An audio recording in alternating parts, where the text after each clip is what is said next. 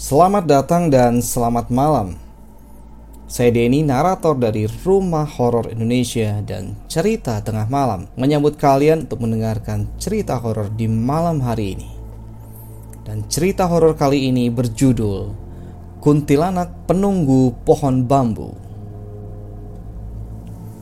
Ya, Cerita horor kali ini menceritakan pengalaman saya sendiri, yaitu dicegat kuntilanak penunggu pohon bambu ketika sedang mengirimkan meja dan kursi makan rotan ke rumah pelanggan di daerah perumahan Korpri, Desa Pasekaran, Batang, Jawa Tengah.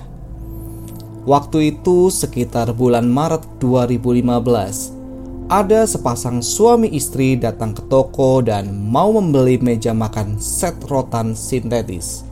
Singkat kata, setelah melewati proses tawar-menawar yang alot, akhirnya harga deal juga dan pelanggan membayar uang DP serta barang minta dikirim besoknya jam 17.30 atau jam setengah 6 sore karena sepasang suami istri tersebut pulang kerja pada jam tersebut. Pelanggan ini tinggal di sebuah perumahan, namanya Perumahan Korpri di Desa Pasekaran. Tapi beliau menyarankan agar saya tidak melewati jalan di perumahan tersebut, melainkan melewati kampung yang ancer-ancernya masuk lewat gang botol. Di depan gang terdapat dua patung botol berwarna biru yang sangat besar karena rumah beliau berada paling belakang mentok dekat jembatan. Pelanggan yang laki-laki berprofesi sebagai seorang polisi, kalau nggak salah namanya Pak Andreas.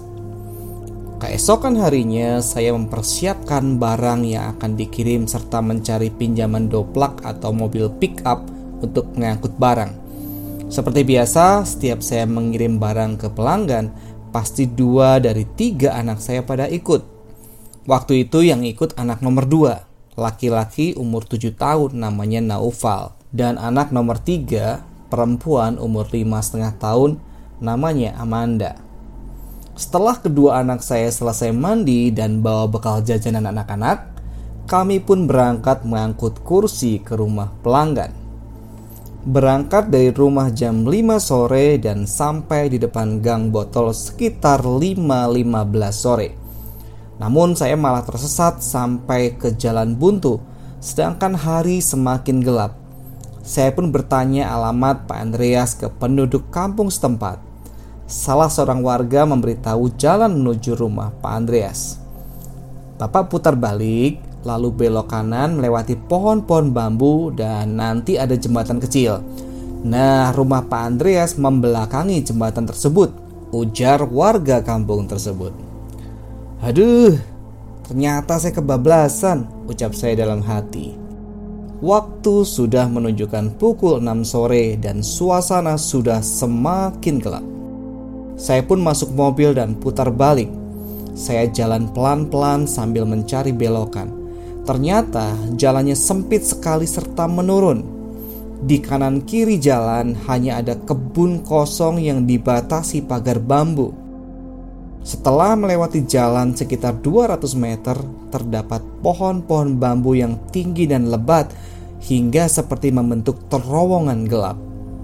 Saya tetap konsentrasi memegang kemudi mobil, namun saya sesekali memperhatikan anak-anak saya di samping. Ketika mobil sudah memasuki area pohon-pohon bambu, terlihat anak-anak saya seperti kaget melihat sesuatu dan keduanya menutup mata mereka dengan kedua tangan. Namun saya tidak melihat apa-apa.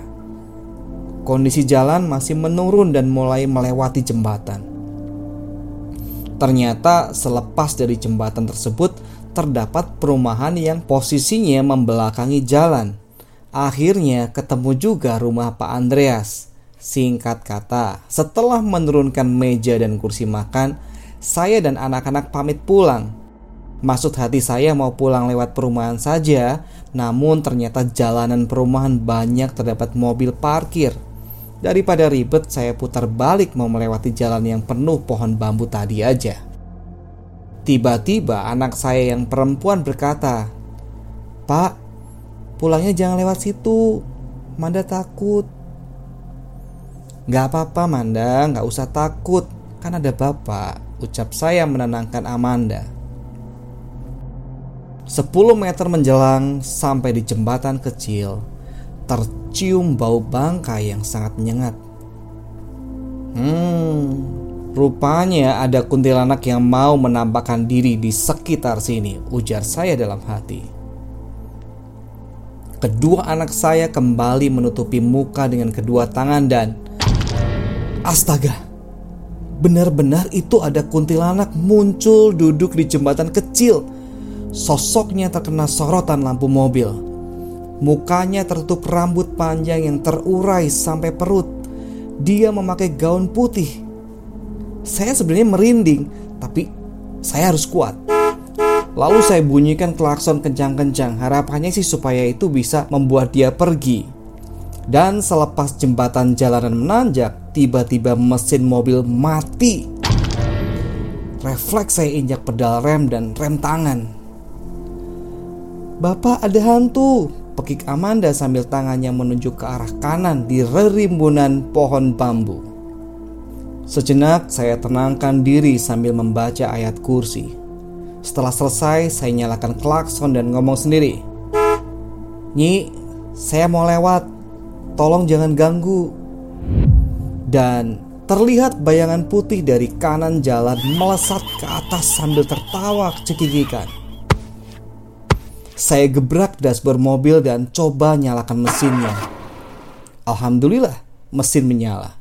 Saya lanjutkan perjalanan pulang tapi saya memutuskan untuk berhenti dulu di sebuah minimarket untuk melihat keadaan anak-anak saya sembari membeli kue dan minuman.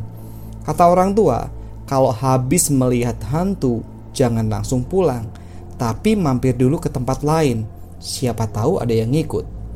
Setelah saya merasa tenang dan keringat sudah hilang, kembali saya lanjutkan perjalanan pulang ke rumah dan syukurlah malam hingga keesokan harinya kami nggak ada yang ngikutin. Jadi begitu ya teman-teman cerita horor untuk malam hari ini. Terima kasih kalian sudah mendengarkan sampai akhir. Sampai ketemu di cerita horor berikutnya. Selamat malam, selamat beristirahat.